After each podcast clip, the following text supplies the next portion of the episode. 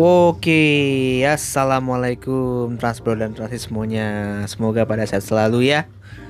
Oke nih, uh, oke kita mau ngomong apa ya? Kayak serunya ngomong ini sih Zam, Zam, ngomong parkiran nih. Boleh. Parkiran kayaknya sedikit uh, bau-bau transportasinya sih ada, bau-bau transportasinya ada, tapi gua rasa ini sangat sangat sangat krusial gitu loh krusialnya karena ya penyempitan lahan.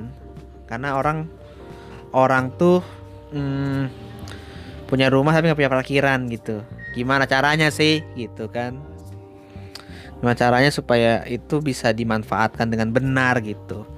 Tapi juga ada lagi permasalahan kayak tarif parkir itu jadi 60.000 ribu gitu di Jakarta pada shock gitu ya. Sebenarnya nggak ada masalah sih kalau misalnya transportasi umumnya bisa diandelin.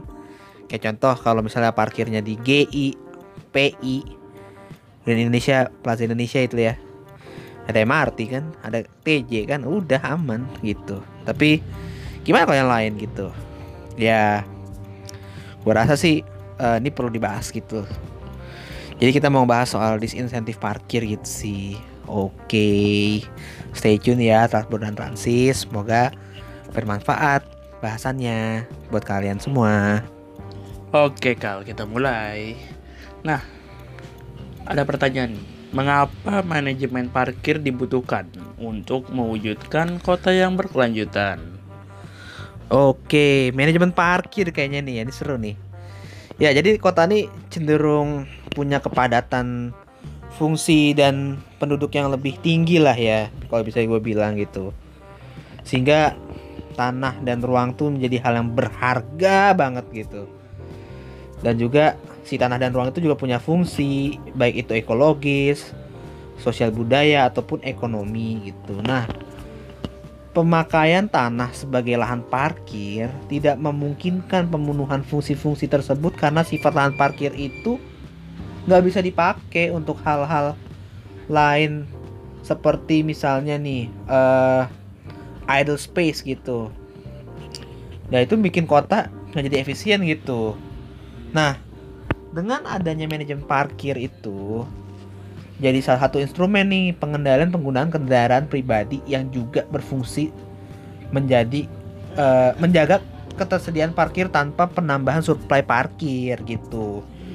Nah, kalau manajemen parkirnya buruk, kayak terutama di kota-kota yang berorientasi pada kendaraan bermotor dan pribadi gitu ya, uh, itu bisa nimbulin uh, ini zam siklus ketergantungan gitu, pakai kendaraan pribadi, jadi nggak berkelanjutan gitu.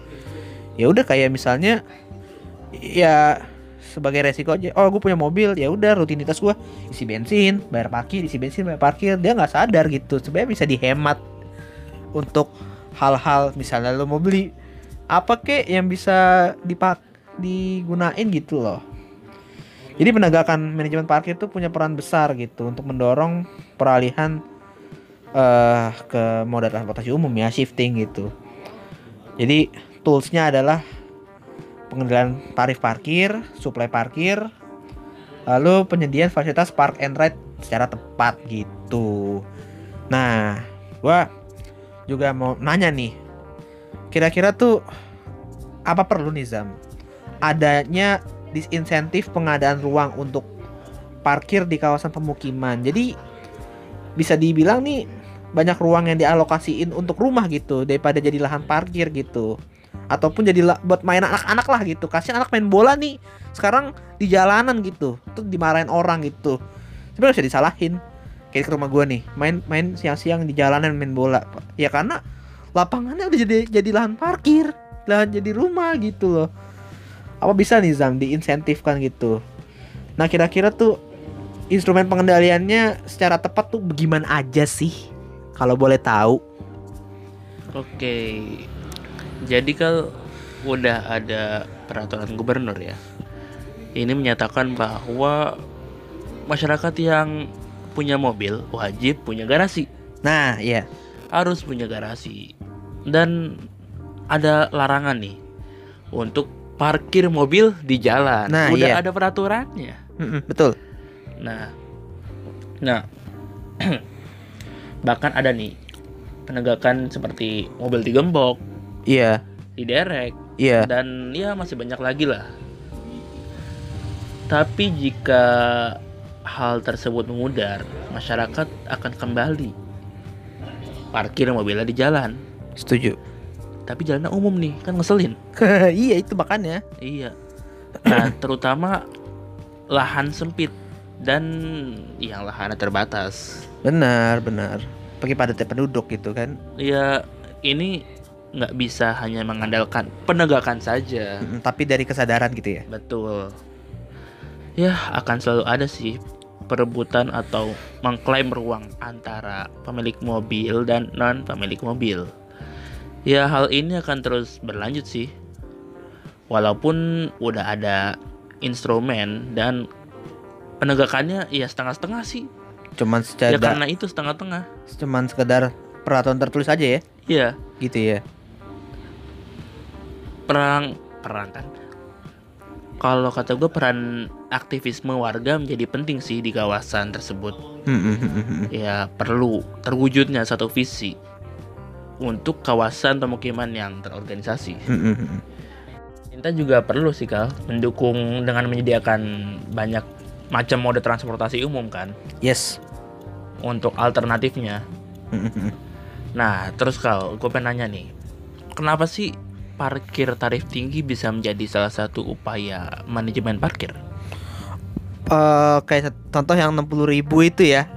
Iya. Nah, jadi kalau eh tarif parkir tinggi itu jadi salah satu bentuk push policy dari TDM itu. Transport Demand Management yang pernah kita bahas gitu ya. Nah, push policy ini maksudnya apa gitu? Mendorong warga kota untuk keluar dari kendaraan ber- bermotor pribadi, kendaraan pribadi yang bermotor gitulah. Nah, pool policy juga ada. Pool policy itu eh, jadinya menarik warga untuk menggunakan kendaraan umum atau transportasi yang lebih berkelanjutan gitu. Contoh bersepeda ataupun jalan kaki gitu. Kan itu eh, sama-sama transportasi yang berkelanjutan gitu loh. Jadi ada push and pull gitu. Mendorong orang pindah. Nah, itu sebagai bentuk eh, shifting ya dan improvement ASI. Nah, data dari kota-kota di dunia nih, kepemilikan kendaraan pribadi dapat cenderung lebih sedikit dari kota-kota dengan tarif parkir yang tinggi nih. Di Jakarta nih, di mana pengeluaran bulanan untuk parkir bisa hanya sebesar 5% dari UMR. Nah, kepemilikan mobilnya lebih dari 3, 30 per 100 penduduk. Nah, kota-kota lain dengan tarif parkir yang tinggi relatif terdapat pendapatan minimum warganya juga nih. Nah, kepemilikan kend- kendaraan dapat kepemilikan kendaraan juga dapat dikurangi nih dari 10 per 10 penduduk juga kalau menurut gua sih gitu dari data yang gue baca ya. Cuman eh, menurut gue agak kurang jelas sih gua. Ya semoga Raffu dan Francis bisa memakluminya lah gitu. Nah gue juga pengen nanya sih Zam. Kayak apa aja sih resiko dan dampak yang dapat dimunculin nih ketika parkir tarif tinggi juga tuh diterapin nantinya nih kan jadinya disinsentif parkir ya kan. Dan juga an semakin tidak diprioritasin lah kendaraan bermotor pribadi gitu. Semakin didisinsentifkan baik itu ntar pajak yang ditinggiin. Pokoknya ya hapus pol polisi lagi tadi nanti. Nah kira-kira tuh eh hal apa aja yang bisa dilakukan untuk memitigasinya gitu? Nah tuh gimana tuh Zam? Kira-kira Zam? Oke ya. Caranya ya. iya cara Jadi ya kenaikan tarif parkir itu di suatu area formal seperti kayak mall, Mm. seluruh kawasannya sudah jelas siapa yang menguasai. Wih siap bener nih ini seru nih ini Ya akan lebih mudah diterapkan. Mm. Namun kalau kawasan tersebut masih ada dualisme, dualisme, resiko dan dampak yang terjadi itu bahkan ya bakal muncul parkir liar. iya tuh tuh pelik banget masalah Ah iya dah. Khawatirnya ya kalau ada ruang-ruang warga yang akan diokupansi Mm-mm. Di, oh, dialihkan jadinya ya. Nah, maka makanya nih, kit- makanya penerapannya itu harus hati-hati, bertahap dan prioritasnya jelas, Mhm. melihat akses mana yang paling mudah dicapai dan Yep. mana yang paling sulit. Yep. Dan sebaiknya ya dimulai dari kawasan yang benar-benar formal. Nah, Mm-mm. gue pengen nanya lagi ke lu Kal. Eh, kayak apa aja sih? Kayak apa aja resiko dan dampak yang dapat muncul ketika parkir tarif tinggi ini? Kira-kira dan, ya. Iya, dan apa yang dapat dilakukan untuk memitigasinya? Eh, Oke, Em, kalau dari gua ya, eh, ini juga menurut gua juga sih. Gua sih nggak kayak misalnya tadi parkir liar yang lu omongin gitu juga eh, kepemilikan lahan juga ya dualisme. Baik itu kalau misalnya di di yang gede-gede ya kayak misalnya sama developer gitu. Tapi kalau liar sama yang alias maaf ya preman-preman situ gitu loh. Para para siluman gitu lah ya bisa disebut gitulah ya ya itu memang pelik banget tadi gue bilang cuman ya itu harus ada peran pemerintah harus turun juga sih gimana untuk eh gimana untuk dia tuh saling ayo lah gitu. Nih eh roadmap kita tuh begini gitu. Jadi mau nggak mau ya lu harus tunduk gitu. Pokoknya untuk ke, untuk keberlanjutan transportasi gitu kan nanti ujung-ujungnya begitu. Cuman ya gue kurang tahu cara-caranya tiap tiap di lapangan tuh beda-beda gitu. Jadi menurut gue nggak bisa disamakan gitu. Nah kira-kira tadi kan lu bilang soal mitigasi ya? Iya. nah gimana sih kalau misalnya tuh kawasan ini punya variasi pilihan transportasi umum kayak Sudirman Tamrin lah? Nah itu kan pa- paling cocok banget ditinggiin lah tarif parkirnya gitu. Jadi ekspektasi awal kita sih menurut pandangan gue ya warga kota akan beralih ke transportasi umum yang akan tersedia di kawasan tersebut gitu. Karena ya ya ada MRT contoh ya oh cepet ah udahlah aman gitu akan settle akan secure dengan itu. Tapi kalau di tempat-tempat lain ya beda nggak bisa. Nggak bisa lo tarif parkir di park and ride 60.000 ribu. Wah nggak ada yang nggak ada yang minat. Padahal park and ride itu sebagai pengumpan. First lo dari rumah ke stasiun kereta komuter contoh lah ya. Parkir 5000 flat udah aman gitu secure. Tapi nyatanya enggak gitu kan. Ya itu kan salah. Kalau dibayar 60.000 ribu tuh salah gitu menurut gua. Nah terus juga ada pertimbangan-pertimbangan lagi nih. Yang pertama nih armada transportasinya juga harus siap nampung limpasan-limpasan penumpang baru yang setelah shifting ke transportasi publik nih. Nah terus kemudian aksesibilitas juga nih dari dan ke transportasi umum itu sendiri serta eh, infrastruktur penunjang sekitar halte atau stasiun transportasi umum harus ramah dan inklusif juga secara desain gitu sih Zam begitu dan gue juga punya pandangan nih kayak untuk mereformasikan suatu parkir itu ya jadi reformasi parkir tuh menurut gue gini kota-kota di dunia nih termasuk Indonesia nih punya kebijakan yang mendahului penyediaan ruang untuk kendaraan pribadi duluan nih dibanding manusianya gitu. Nah, disebut juga dengan peraturan parkir minimal. Jadi gini nih, em, peraturan parkir minimal tuh didasari anggapan bahwa kemacetan akan dikurangi dengan penyediaan ruang parkir yang cukup bagi kendaraan.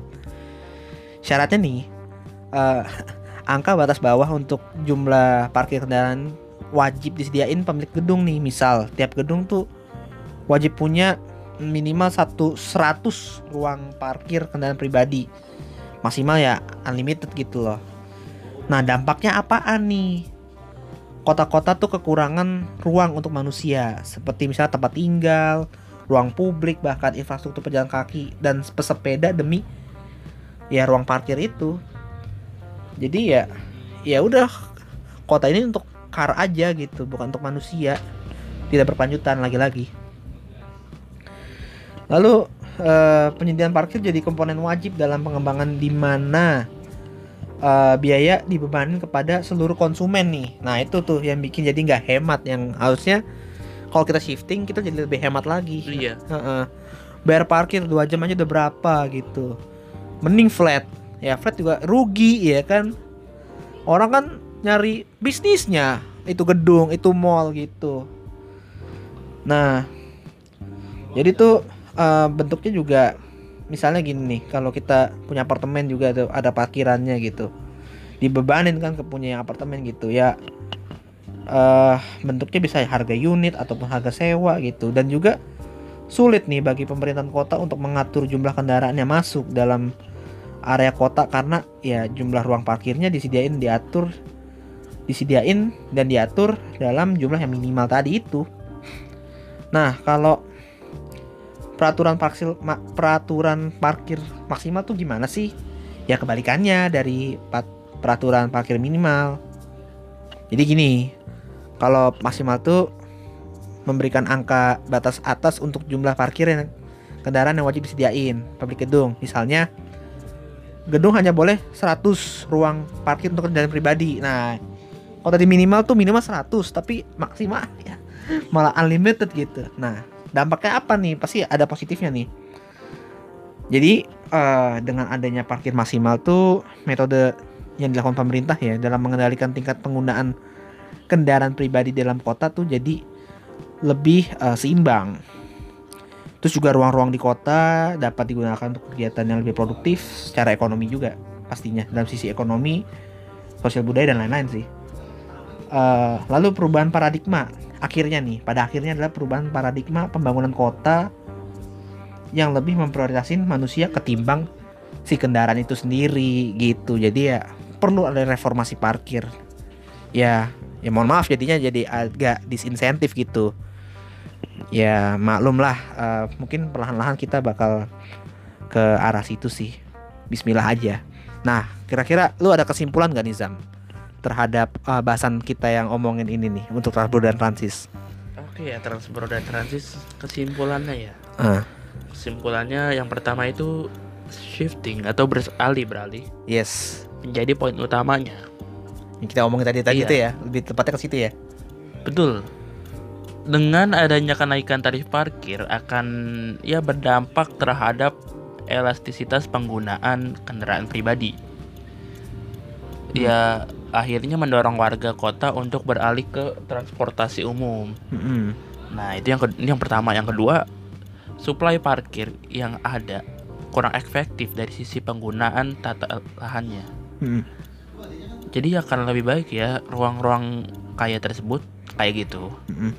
digunakan sebagai ruang-ruang yang lebih produktif. yes untuk main bola Nah, untuk mabol, anak-anak Heeh. mabar Mabul. oh mabol iya Nah, yang Sparring. terakhir park and ride. park and ride Ya ini mah seharusnya berada di kawasan transit pinggir kota. iya ya seperti gue bilang Nah, tadi keberadaannya seharusnya tidak mempersulit warga kota untuk menggunakan transportasi utama itu sendiri. Mm-mm. sebagai kayak first mile mile-nya gitu kan Betul sekali. bener bener bener wah setuju gue dengan kesimpulan lu oke mungkin bisa ditutup Zam Oke, Transbro dan Transis. Terima kasih telah mendengar- mendengarkan episode ini. Stay safe and healthy. Wassalamualaikum warahmatullahi wabarakatuh.